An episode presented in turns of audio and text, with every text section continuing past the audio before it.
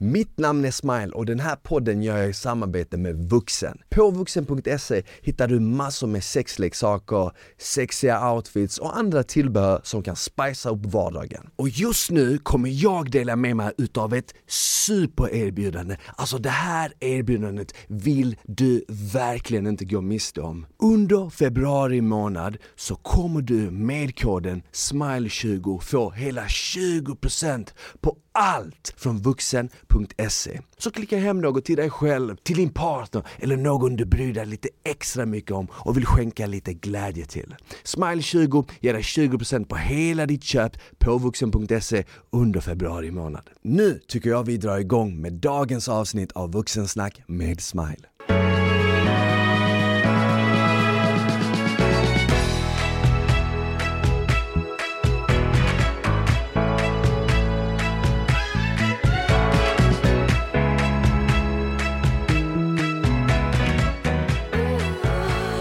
Hej och välkomna tillbaka till ett nytt avsnitt av Vuxensnack med Smile. Hoppas det är bra med er. Idag med mig i studion har jag Emilia Löv som blev utsedd till Årets yogalärare 2020. Välkommen Emilia! Tack så mycket! Kul att ha dig här! Så himla roligt att vara här! Jag tycker alltid det är spännande att träffa människor som håller på med typ yoga eller meditation eller För ni kommer alltid in med en viss typ av energi känns det som. För det här är det ofta eller? Um, nej, men det är väl lite därför man, eh, det var ju lite det man fascinerades av en gång i tiden. Uh. När, man, när man själv började praktisera. Mm. Hur kan de där människorna bara gå omkring och le och vara så jävla harmoniska medan man själv bet sönder bettskenor och var irriterad på folk till höger och vänster. Eller hur, men gör du det idag då? Går du runt och ler hela tiden? Um, ja, alltså för det mesta gör jag det. Framförallt så, jag är ju bara människa, precis mm. som resten av oss. Så det är klart att eh, jag faller och snubblar in ibland på negativa tankar och, och, så. Men det man lär sig i, den, i praktiken som eh, jag både undervisar i men också praktiserar, det är ju att man kan plocka upp sig själv väldigt snabbt igen. Mm. Så när de här tankarna kommer eller när man känner sig stressad eller när man hör den där lilla kritiska rösten inombords så kan jag nu väldigt, väldigt snabbt eh, backa och eh, switch the coin och komma ah. tillbaka till ett lugn och en, en positiv tanke. Så med andra ord, idag är du mycket bättre på att hantera känslorna. Verkligen. Mm. För vi har ju alla känslor eh, som hoppar upp och ner och särskilt i det samhället som vi lever i idag som är väldigt, väldigt eh, ytligt och allt handlar om vad som finns utanför oss. Mm. Medan vi egentligen har ju väldigt, väldigt mycket inom oss. Men Verkligen. det har vi också lärt oss från att vi är små att vi inte ska agera ut Mm. När du är liten och leker i sandlådan till exempel och någon är taskig mot dig så kanske du tar det två gånger. Sen drämmer du till en spade i huvudet på mm. den där personen och så reser du upp och går. Yeah. Medan vi idag kanske sitter kvar, biter ihop, försöker göra bättre. Mm. Um, vi sväljer mycket och mm. skiter i liksom att låta det komma ut. Känslorna verkligen. blir liksom, det är som en, fl en flaska med massa kolsyra mm. läsk i som bara skakar, skakar och sen så bara exploderar den. Någon eller? gång gör det ju det. Om vi inte lär oss att hantera mm. våra känslor och vårt mående. Du mm. kan, och det gäller ju när det gäller kost och när det gäller kärlek eller när det, när det gäller allt i livet. Att vi kan pusha oss själv till en viss gräns. Eller bara leva helt neutralt och kanske inte göra någonting utan bara försöka vara mm. i någon slags skugga. Yeah, Men yeah. någonstans, någon gång längs vägen så behöver vi explodera eller falla riktigt djupt för att sen kunna blomstra upp. Ja, verkligen. Du har med dig en liten hund i studion idag, ja, Ferdinand. Fernando. Fernando hette han. Fernando. Fernando. Skänker Fernando mycket glädje. ja, det gör han. Det kan jag tänka mig. Um, han är en liten griffon petit och har funnits med i mitt liv i åtta år och eh, är väl lite mer som en skugga. Så att han är med på alla mina yoga-retreats, mina meditationer, ehm, alltid på mina möten eller som idag när vi sitter här. Vad nice. Mm. Det måste vara kul att vara en liten hund som får hänga med på alla de äventyren. Eller hur? Eller hur? Han reser runt jorden med mig, inte nu sen, eh, sen eh, det här sista året då, men annars är han faktiskt med överallt mm. Eh, så gott det går. Du blev ju utsedd till årets yogalärare under det här tuffa året. Ja, verkligen. Hur, hur har det varit för dig? Um, först var det ju en otrolig ära såklart. Att, Eh, och det är ju då människor som har röstat och eh, röstat eh, in mig till det här, ehm, eller till den här, liksom, vad man nu ska säga, benämningen. Och saken är att det finns ju så fantastiskt mycket duktiga yogalärare och alla behövs. Och jag tror att när jag fick den här fina utmärkelsen så när jag gick upp på scen och tog emot priset så sa jag också det att jag är ju här tack vare er som sitter här i publiken. Det vill säga yogalärarna. Um, därför att de är så otroligt viktiga i ens egen praktik och mm. i att uh, guida människor och hjälpa människor till att må bättre. Mm. Så alla behövs därför att vi är alla unika. Precis som när man uh, är PT eller tränar eller mm Eh, jobba på bank eller vad det än är. Att vi har ju vårt speciella, unika sätt att göra saker. Ja, och, eh, precis. därför är det väldigt viktigt att, eh, att man vågar vara den personen också. Mm. Så att det har varit ett väldigt speciellt år. Men jag har också fått möjligheten att trots pandemin möta väldigt mycket, mycket människor digitalt. Jag har inte kunnat hålla mina event. Nej. Jag jobbar inte i någon yogastudio. Utan där tycker jag att där får andra yogalärare vara som är superduktiga på det. Utan jag paketerar ju större event mm. med flera hundra eh, där jag känner att jag kan kommunicera mitt budskap. Aha, Ja. Och eh, idag så är yoga hur eh, stort som helst liksom. Men om vi spolar tillbaka bandet till när du drog igång med yoga och hur du fick upp ögonen för det. Hur gick det till? Alltså jag trodde att jag började när jag var 20 eh, och blev gravid med min dotter och kände väl att jag behövde någon plats förutom min vanliga träning där jag liksom kunde jobba mentalt okay. på att förbereda mig på att jag skulle bli mamma. Och då stod jag där och tyckte att det var typ det värsta jag någonsin har gjort. Allt gick för långsamt och det var ingen, det var ingen jag blev inte svettig och hon pratade långsamt och folk luktade konstigt. Och det, var liksom, nej, det var inte min grej. Så jag gick ut därifrån och eh, kände att nej, det här var inte min grej. Men eh, jag kom tillbaka. Varför då? Det var någonting med de här människorna jag mötte. Mm. Precis som du sa här i början. Att det var ett, ett lugn och en, eh, en kärlek på något mm. sätt. Som, eh, och ett community. Men sen visade det sig att jag träffade en gammal barndomskompis som sa att jag höll yoga redan i årskurs nio. När vi hade, man har ju en, en klass när man går i 8-9 där som man får hålla i själv. Som ja. ingår liksom i betygssystemet. Och eh, då visade det sig att jag hade hållit en yogaklass. Och det hade jag helt och hållet glömt bort. Yeah. Vilket var väldigt roligt att hon påminde mig. Eh, och då fanns ju typ knappt internet. Så att jag måste ju gått till biblioteket och, och läst på det där. Ah. Men yoga är ju över 4000 år gammal filosofi. Mm. Så att det är klart att det här är ingenting nytt. Och det är också Nej. därför jag tror att det är så många som idag inser också att yoga är inte en sak. Det är liksom inte en rosa yogamatta och en medelålders vältränad för detta gymnast. Mm. Utan eh, yoga är någonting som sker på insidan. Mm. Och att praktiken, det här med hur du rör dig, twisterna och att försöka nå tårna och allt det där. Det är bara ett rörelsemönster. Ja, ja, ja. För att stimulera syre till musklerna som gör att det stimuleras upp i hjärnan och så får vi liksom mer syresättning till hjärnan och när vi får mer syresättning till hjärnan genom andningen så börjar vi tänka mer. Okay. Och det kan ju vara jävligt jobbigt ibland. Ja, för att du ska göra alla de här grejerna samtidigt. Mm. Och då, I synk liksom. Precis, och då lever vi i ett presterande samhälle. Mm.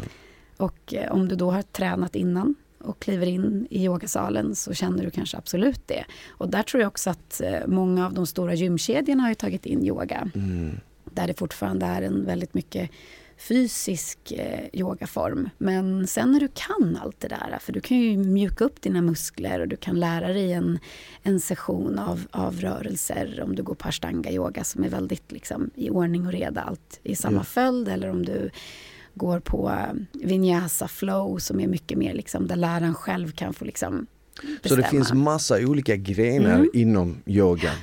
Precis. Det finns massa olika eh, stilar, kan man mm. säga det? Eller? Absolut, kan man göra. Och vissa är lite lugnare mm. medan andra kräver lite mer eh, alltså, fysisk ansträngning. Precis, och det där är också sånt som eh, genom åren såklart har utvecklats. För det är ju så vi, våra hjärnor fungerar, att vi vill gärna utveckla saker och ting. Mm. Um, så att, men kärnan och grunden i hatta hatta yoga då eh, och även i eh, ashtanga yogan och sen så finns det ju massa olika utgreningar mm. där. Men det finns ju en, en kärna, ett, en rot Mm. Eller rötter och en, en stam. Och, och, jag gissar på att det här, du sa det, det, det har funnits i 4000 år. Jag gissar på att det kommer från Asien typ. Ja, Eller? precis. Från Indien. Exakt. Och det känns ju som att nu på sistone så har ju liksom västvärlden allt mer börjat kolla på liksom öst och de gamla mm. så här traditionella typ så här läkemedel som kom därifrån som är väldigt naturliga och saker som har med andlighet och det spirituella att göra som kanske mm. inte har varit lika populärt i väst utan mer har varit någonting som de har hållit på med i hundratals år, tusentals mm. år liksom Verkligen. i Indien, i Kina och så vidare. Det vi inte får glömma är ju att vi kommer ju alla från samma källa mm. och det är ju kärlek. Yeah. så oavsett var någonstans på jorden vi kommer ifrån så har vi ju också den här längtan efter att förklara saker och ting. När vi är små så tittar vi upp på stjärnorna och undrar vad som finns där uppe. Eller när vi, vi leker i vattenpussar och vi liksom gillar att hålla på med geggamoja och allt det där. Yeah. Och sen så kommer vi ju till ett stadie där vi blir tillsagda så här får du inte göra, usch nu är du smutsig, gråt inte lilla vän, nej du får inte agera ut dina känslor eller dina... Och förr i tiden så hade vi ju religionen i västvärlden. Vi mm. hade de olika, eller vi har men den har ju försvunnit mer och mer. Och förr så var ju det en slags stam, eller en, en, det blev ju rötter för oss. Ja. Och vi gick till religionen, vi gick till våra ledare inom religionen för att prata oavsett vilken religion du tillhör. Och idag så har vi tappat det. Mm. Men vi känner att det är någonting som måste finnas där som är större. Ja.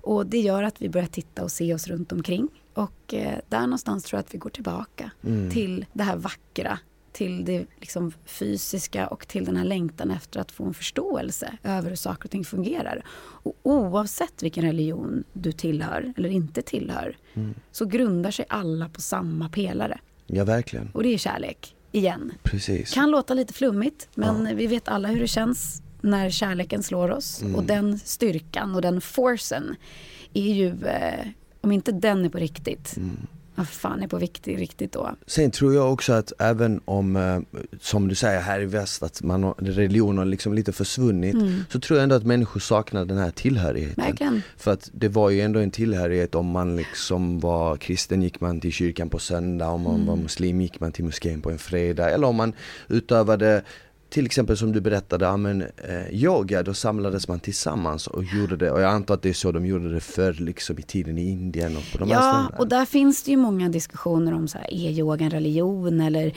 är liksom, man pratar om hinduismen och varifrån liksom kopplat hit eller dit. Och jag tycker det känns väldigt viktigt att liksom släppa de där facken. Mm. Och att vi ska, igen, igen ska prata om liksom kärnan. Om jag frågar dig, vad, när mår du som bäst? Och man ställer sig den frågan när man vaknar på morgonen. Istället för att börja snurra tankarna om vad du ska göra under dagen, vem det är du ska bevisa någonting för, vem det är du ska prestera för, att du måste ta hand om din kropp. Självklart.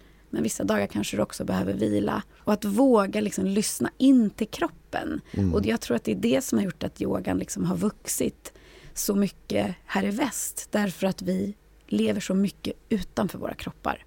Precis. Och då stänger våra kroppar ner. Mm. Och till slut så blir vi sjuka. Och när vi blir sjuka, då börjar vi på överlevnadsinstinkt. Att vi liksom sätter på den, för vi vill leva. Mm. Vi vill andas. Och så länge som vi andas så lever vi. Och då vill vi hitta de här lösningarna. Vart mår jag bra? Mm. Och då letar vi efter det. Och så Precis. möter man de här glada, mjuka människorna som vill kramas och säger att allt är bra. Och så är de ljusa i ögonen. Då blir man så här, shit, det där kanske vore något. Och, och det var just de människorna som fick dig att återvända till den här yogastudion och fortsätta med det. Ja, alltså, För helt... i början var du kanske inget proffs. Du tyckte inte det var lika kul. Nej, och framför allt så gick jag faktiskt inte till yogastudion. Nej, okay. Utan jag hittade min, min värld hemma. Så som mm. säkert många har gjort under den här äh, pandemin. För jag trivdes inte i äh, sammanhanget av att ha människor runt omkring mig. Och precis som i alla andra träningsformer så möter man ju de som gillar att prestera. Och som gärna tävlar med sig själva eller med dem runt omkring.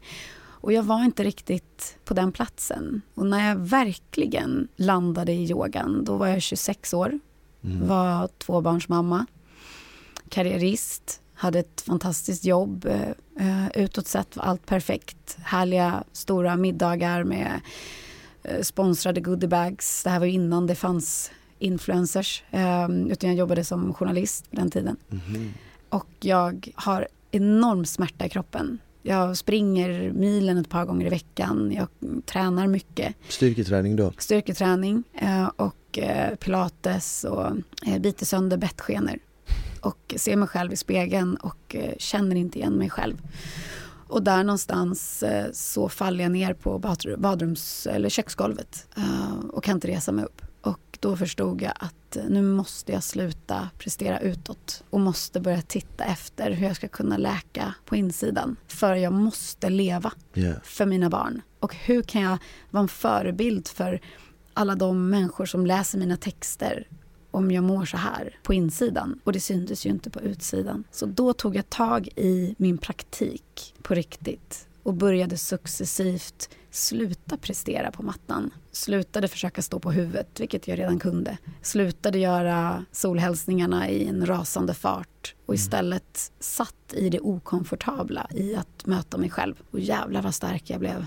Ja. Så du, när du gick igenom den här tuffa perioden, det var då du kände att du växte som mest? Mm. Och du kom ut ur det, hur lång tid tog det för dig att liksom hitta tillbaka och känna att okej, jag liksom känner mig redo att komma ut igen eller jag känner mig redo att, ja, nu står jag stabilt liksom. Det tog nog ett år och sen så följer jag nog tillbaka in i gamla mönster med eh, att prestera, med att eh, dricka vin istället för att kanske backa ett steg och bara mm, liksom, se det som fanns som avkoppling eller vad det nu var. Eller att jag föll tillbaka till att umgås med människor som tog min energi istället för att ge. Mm. Um, så att det var nog en, en, en resa under ett par år där. Men um, sen vaknade jag upp en dag och kände att uh, jag verkligen hade landat i vem jag ville vara. Ja. Och det var också då jag kunde börja jobba med andra. Att hjälpa andra. Var det då du bestämde dig för att liksom vända dig och eh, hjälpa andra människor med, genom yogan liksom? Jag började att eh, började med coachning, coachade folk i självkänsla och självförtroende och eh, började skriva mycket sådana texter och debattartiklar om, om unga tjejer och eh, um, hur vi behöver mycket ledare och vad är en ledare och vad är en förebild. Och sen så för ett par år sedan så gick jag då en yoga teacher training som jag gav till mig själv i födelsedagspresent och då hade jag redan undervisat och hållit retreats. Men kände att jag behövde det där certet på något sätt som liksom gav mig den där ändå tyngden i det. Och eh, när jag var på Bali så hade jag redan bokat in min första liksom, mitt första event. Mm. Eh, och så ringer killarna som jag gjorde eventet tillsammans med och säger så här, vi är över hundra personer. På Eh, Bali? Ja, det här, Svenska eller ja, liksom? svenska killar ringer till mig, för jag var på Bali, men det här var ju då i Sverige som jag skulle Okej. ha mitt event på Okej, en, ja, ja. en stor eh, konst, eh, en öppen konstpark. Ja. Ehm, hur ska du göra med ljudet? Hur ska du göra med musiken? Hur ska du liksom kunna prata, för vi får inte dra in några sladdar. Och jag bara, shit, vad ska jag göra då? Och då dök ju eh, idén upp om silent yoga som är ett koncept eh, som fungerar som silent disco med hörlurar. Och eh, jag hade då varit i kontakt med en kille innan som tog in silent eh, disco till Sverige, Kalle. För vi hade gjort eh, lite meditationer och sånt och vi hade varit i kontakt innan det. Så att jag fick låna hörlurar av honom och kände ju direkt när jag kom tillbaka, eh, när jag höll min första offentliga, officiella klass med de här människorna att eh, det här är något jag vill fortsätta med. Mm. För du når människor så nära när du har dem i dina i hörlurar. Och jag kommunicerar med mick då. Och då hör de din röst i öronen då? Precis. Och även musik då, för jag jobbar väldigt mycket musikrelaterat. Okej, Telling stories. okej. Jag har jobbat med musik när jag var yngre. Så för mig blev det att jag vet ju låtskrivare, hur de tänker. När man skriver en låt så vill man ju berätta en historia. Mm.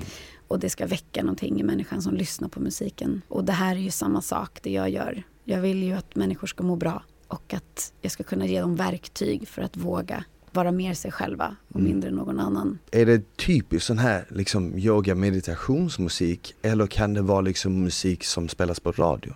Jag använder väldigt mycket eh, musik som spelas på radio. Aha, så det funkar utan att man liksom blir distraherad? Det är ju det som är utmaningen. Att, Och det jag gör är att jag berättar en historia. Så jag lyssnar ju på låtarna innan. Ja. Ehm, Anna Diaz har till exempel en låt som heter Bästis som är ganska nysläppt som jag använt på mina retreats. Där jag också då påminner folk om att du måste vara din egna bästa vän. Mm. För att är vi inte vår egna bästa vän, hur fan ska vi då kunna vara någon annans bästa vän?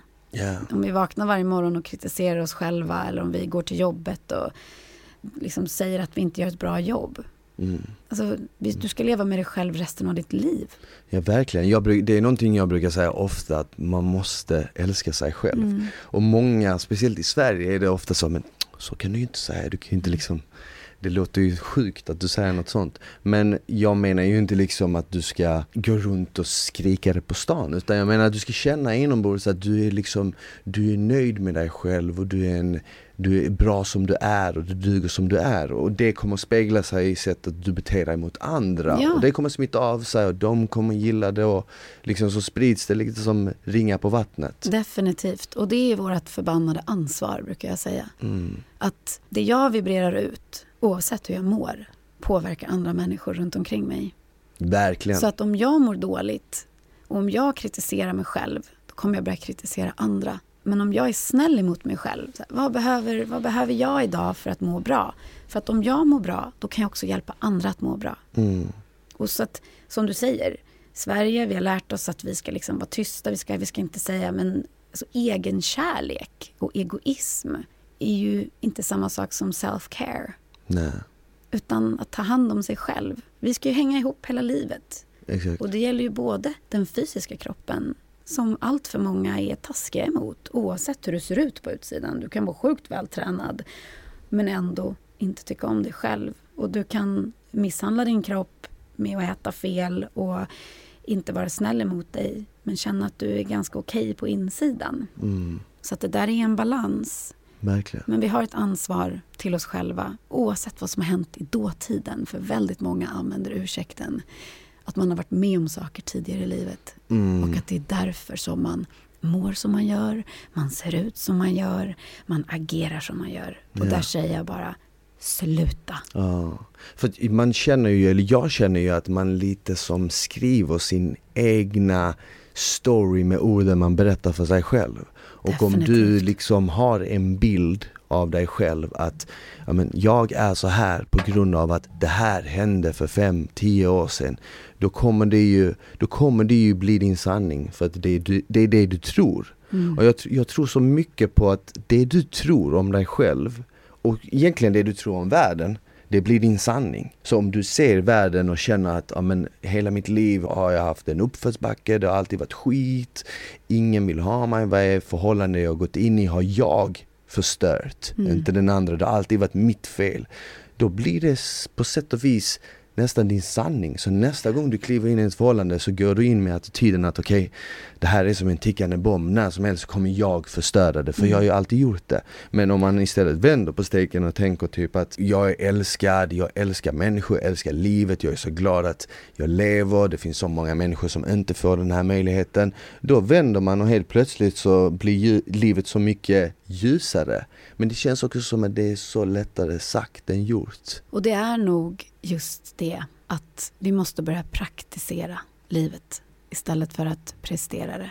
Mm. Och att vi varje dag, inte igår, inte för en vecka sedan och inte imorgon och inte om en vecka. Utan att när vi vaknar på morgonen, ta det där djupa andetaget in och sen bara liksom fylla lungorna med luft och bara sucka ut.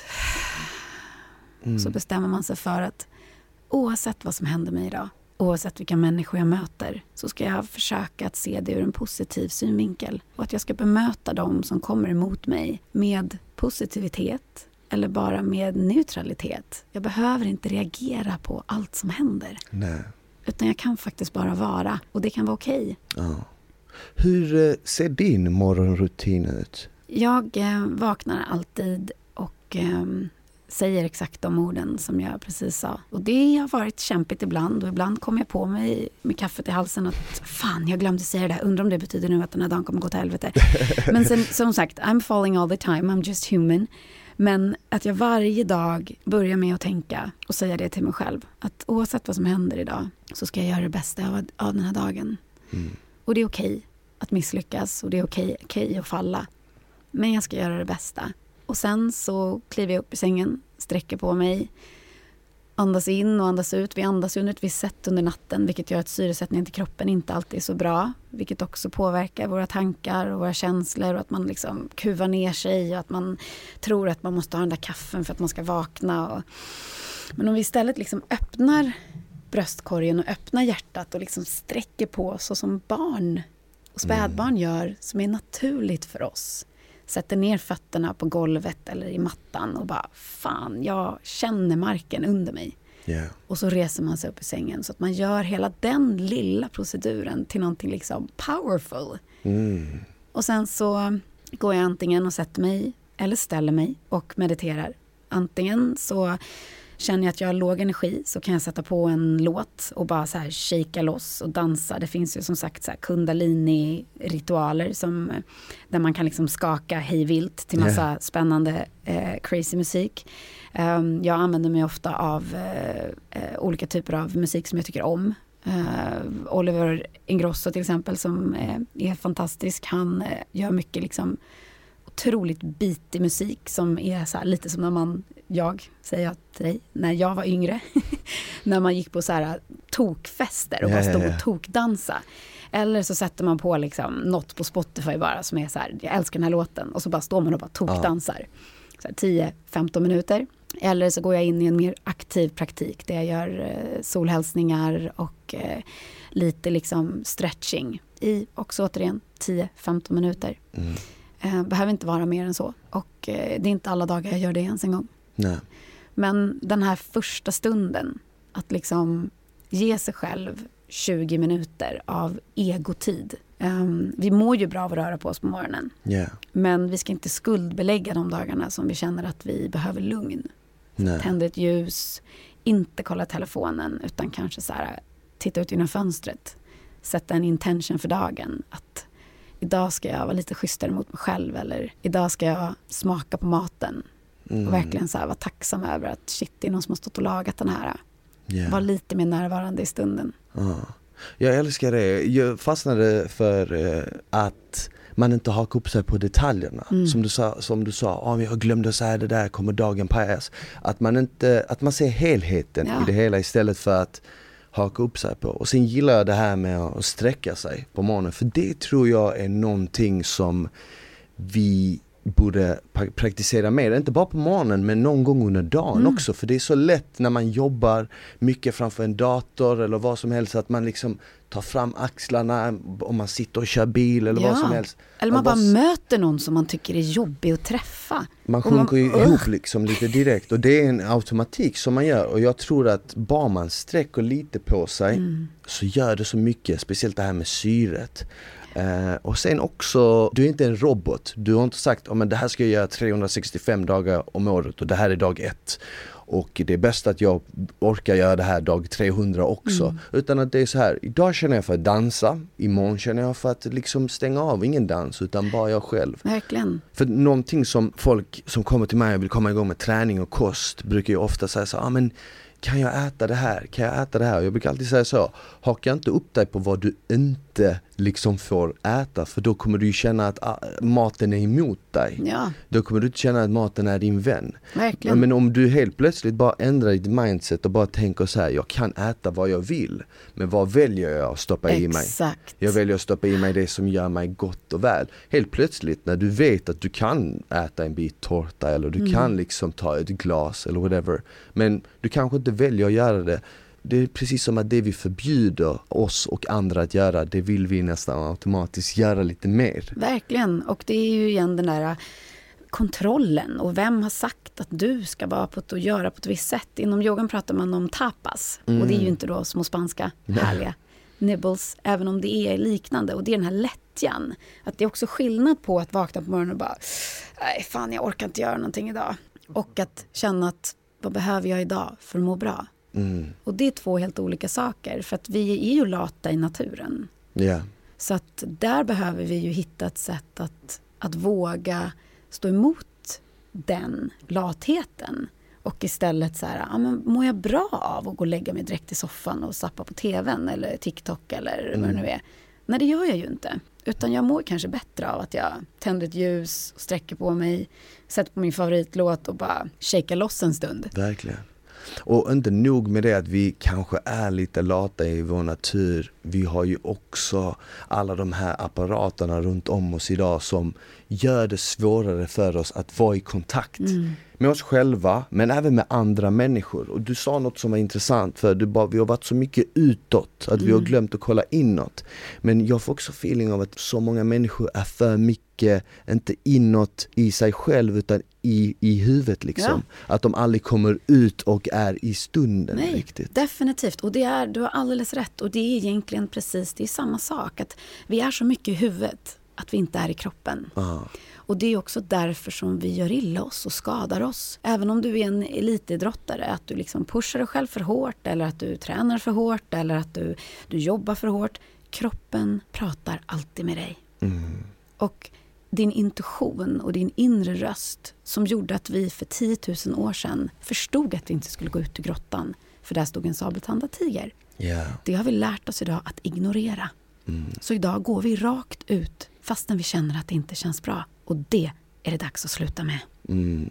Ja, för den intuitionen, man ska ju ändå inte glömma att det är någonting, vare sig man tror på evolution eller om man tror på Gud, det är någonting som har vuxit fram under liksom, vad är det, 300 000, 400 000 år, så länge som människan har funnits. Så det är ingenting som någon uppfann liksom för 100 år sedan, utan Nej. det är en väldigt mäktig kraft. Ja, du är en magkänslan. force. Vi är, alltså, vi är så fantastiska varelser. Mm.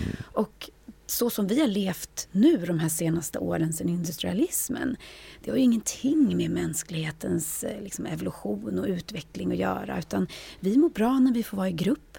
Yeah. Vi mår bra när vi får pausa ibland. Vi kan absolut leva under stress och press, men vi behöver också stunder och vi behöver vila och vi behöver återhämtning. Mm. Vad vi stoppar i oss påverkar hela vårt system. Och när vi är för mycket i huvudet och för mycket utanför våra kroppar så mår vi dåligt. Och vi ska inte må dåligt därför Nej. att vi är på jorden och vi lever för att vi ska må bra. Mm. För att du ska vara lycklig. Det är därför vi är här. Ja, man kan inte gå omkring och vara lycklig hela tiden. Jo, det kan du visst det. Mm. Och det handlar inte om att du ska ha en ny sportbil eller att du ska bo i en stor lägenhet eller att du ska ha liksom, hur mycket pengar som helst på banken. Du kan fråga dem som har det. Tro mm. mig, de kommer svara att de inte är lyckligare för det. Nej. Utan de kommer säga att det handlar om någonting annat. Exakt, exakt. Nej men det tror jag verkligen på. Jag tror att först och främst handlar det om att uh, hitta den lyckan inom sig själv. Mm. Inget, inget utanför dig kan ge dig det, kanske för stunden, den dagen, den kommande veckan, max liksom två, tre veckor.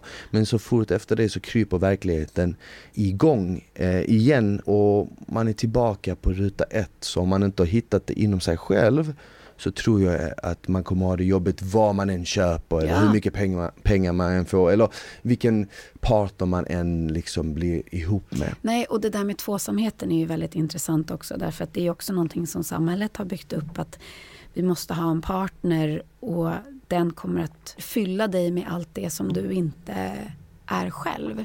Mm. Men alltså kärlek är ju någonting och en partner, alltså jag har varit tillsammans med min man i 20 år och är det någonting jag har lärt mig i den relationen så är det ju att det är ju när vi älskar oss själva som vi har som finast tillsammans. Och det är när vi respekterar varandra med våra fördelar och med våra nackdelar. Det är också då vi kan hitta en balans. Det finns ingenting som är perfekt. Nej. Jag är inte perfekt, han är inte perfekt, men tillsammans så är vi ett team och det är det det handlar om att hitta någon, nu snarkar Fernando här bredvid mig, um, att hitta den där balansen. Mm. Och inte förrän du har hittat den i dig själv så kommer du hitta den i någon annan. Nej, det tror jag verkligen på. Det, det tror jag till hundra på. Det, det, är rätt vanligt att man ser folk som har varit i ett förhållande att de kanske direkt hoppar till ett annat för mm. att man vill inte känna den här ensamheten.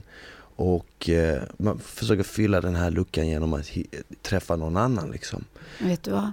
Vi är alla ensamma. Ja. Vad är det de brukar säga?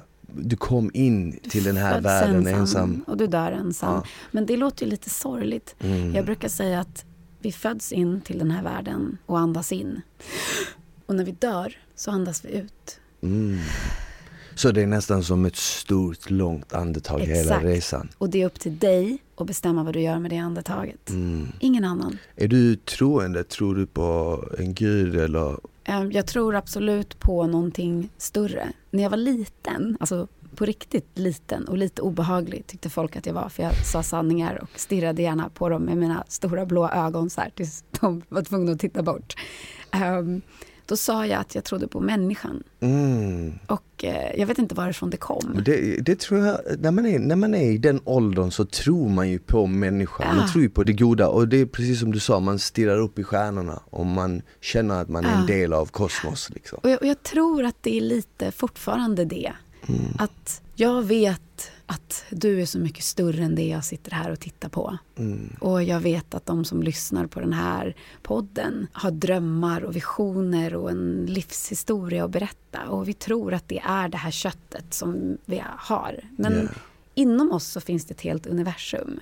Så att ja, jag tror. Jag tror att vi människor är kapabla till så mycket mer än vad vi tror. Och vi vet att vi kan vara onda. Vi vet att vi kan förstöra och vi vet att vi kan bryta ner. Men vi glömmer också bort att vi kan hjälpa och lyfta.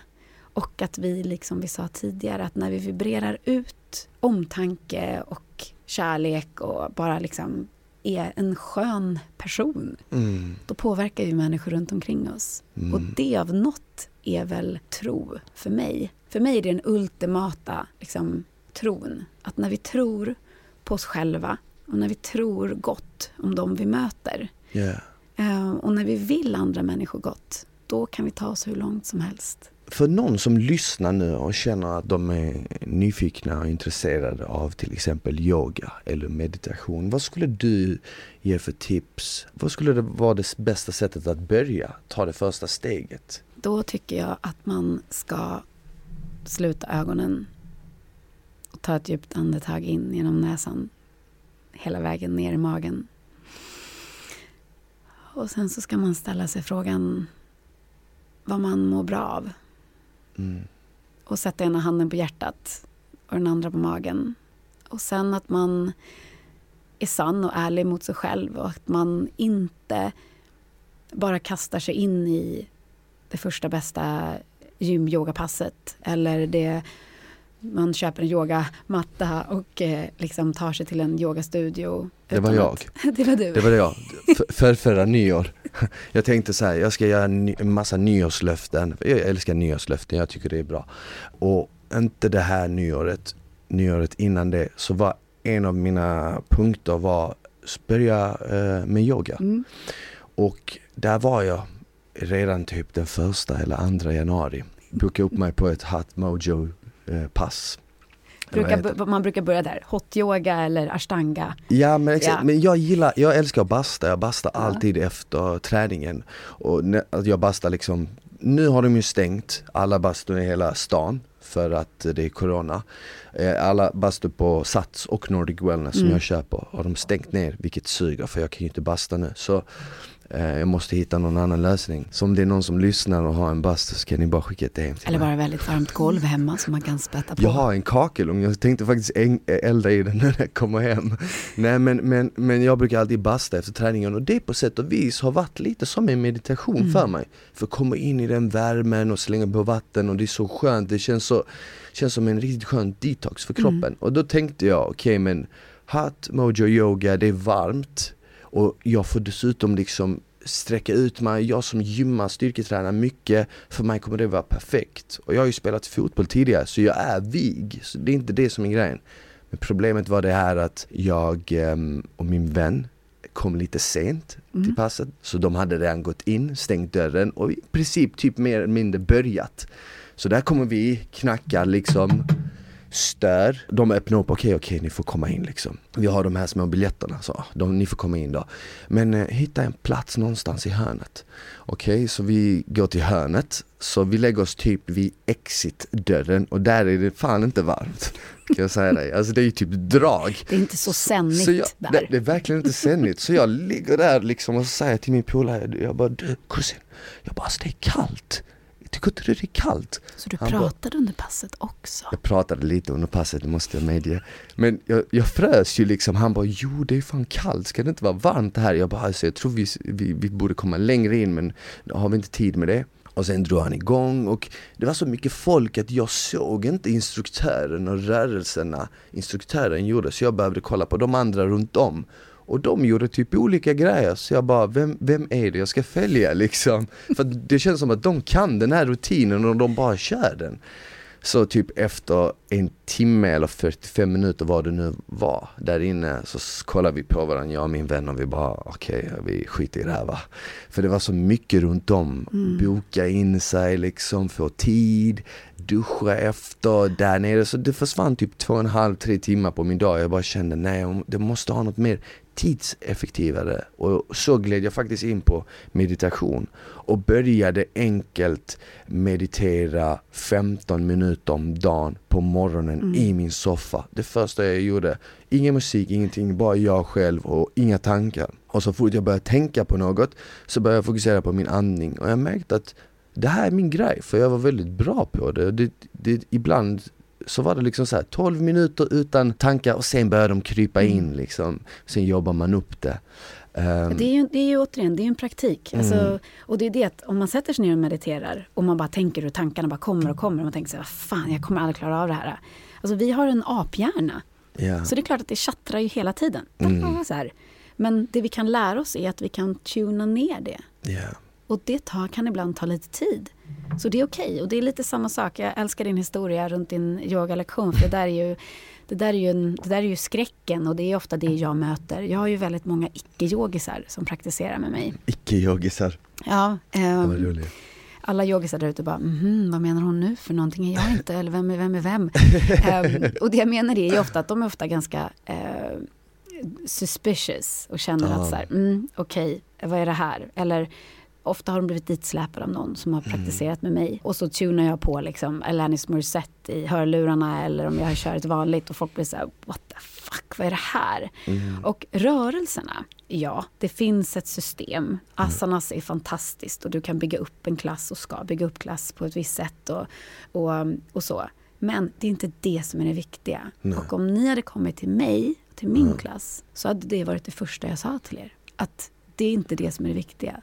Utan det viktiga är att du landar på mattan. Så till alla de där ute som blir nyfikna så är det väldigt viktigt att hitta en lärare som man känner sig trygg med. Att det är det det handlar om. Precis som när du väljer en PT eller om du ska Verkligen. lära dig att, att springa långdistans. Du kan garanterat ha, liksom, haka på något sånt här jäkla snöre med folk som är ute och springer överallt. Och jag lovar dig att du kanske inte alls kommer tycka om det. Mm. Men sen träffar du den där personen. Och när den personen kliver in i ditt liv eller in i dina hörlurar eller in i en dataskärm. Det finns ju hur mycket yogagrejer som helst på nätet. Alltså du kan googla dig överallt. Jag tror att jag hade nog fastnat för det om jag hade kört det själv. För att jag tror precis som du sa tidigare, jag, jag trivdes inte.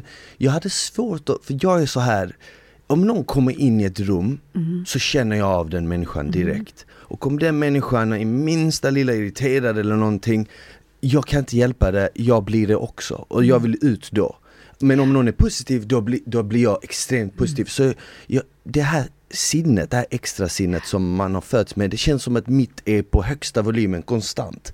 Så när jag är bland andra människor, som till exempel i en yogasal, om jag känner att någon där är stressad eller något, då känner jag bara så här, vet du vad, jag gör hellre det här hemma. Exakt. För där kan jag kontrollera läget, ja. för det är bara min mode det här. Och, så, och jag håller med dig och där tror jag att eh, ofta så mår du kanske lite kast när du väl har tagit dig till den där klassen. Alltså när du börjar, någon har sagt du borde yoga. Ja, ja.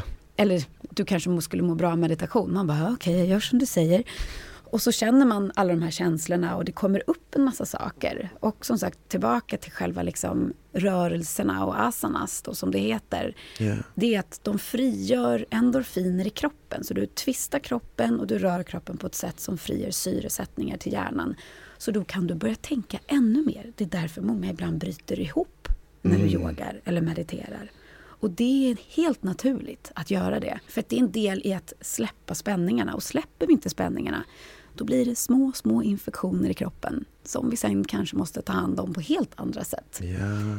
Så att om vi praktiserar den här liksom mentala delen så kan vi också lära oss att hantera att det gör ingenting att du inte når fötterna. Mm. Eller det gör ingenting att du inte vet vad en downward facing dog är. Därför att du lär dig med tiden. Så vi lär oss inte cykla på en dag. Nej, Någon kanske gör det, men de flesta inte. nej. Så vi måste träna. Och då kan det vara effektivt att göra det i sin ensamhet eller att man går med en kompis, ställer sig längst bak i en sal. Att man går till en yogastudio och säger så här, jag har aldrig yogat förut, men jag är sjukt nyfiken. Vem ska jag börja med så jag inte blir ivägskrämd? Ja. Och nu finns det en massa härliga yogastudios runt omkring i Sverige där de tänker mer alla ska vara välkomna. Det är Verkligen. inte bara du som har yogat i Indien i jättemånga år eller utan att, och likadant att det finns på gymmen. Mm. Men där är det ju väldigt fysisk träning, liksom fokus. Men några av de absolut bästa yogalärarna som jag har praktiserat för håller faktiskt klasser på gymmen också. Mhm. Så att de finns där. Det är bara att du måste hitta din, du måste hitta din person. Precis. Och sen antar jag precis som allt annat nu i en sån digital värld där det säkert finns en massa appar också. Där man bara kan Verkligen. ladda ner en app, uh, subscriba på den och komma igång med yoga till exempel via den. Definitivt. Och Eller Youtube. Det är så, också sån klockren som man har Verkligen. lärt sig så mycket. att bara, och som sagt, du är inte där för att du ska vara bäst. Nej. För det finns ingen som är bäst. Och desto mer du har praktiserat yoga, desto mindre bryr du dig om ifall någon bredvid dig presterar. Eller om någon bredvid dig kan twista. Och tittar man i Indien, där de flesta praktiserar yoga. Och yogan utövades ju från början av män. Mhm. Så många av rörelserna är inte heller skapta för att en kvinna ska kunna göra dem. Okej. Och det tog mig många år innan jag fattade det. Och det var så jäkla skönt när jag satt i den här sidotvisten och bara får inte till det. Så bara, ah, men jag har ju bröst, det är därför. Aha. De är liksom gjorda för att jag inte ska ha dem där. Och då helt plötsligt så släppte jag ju det.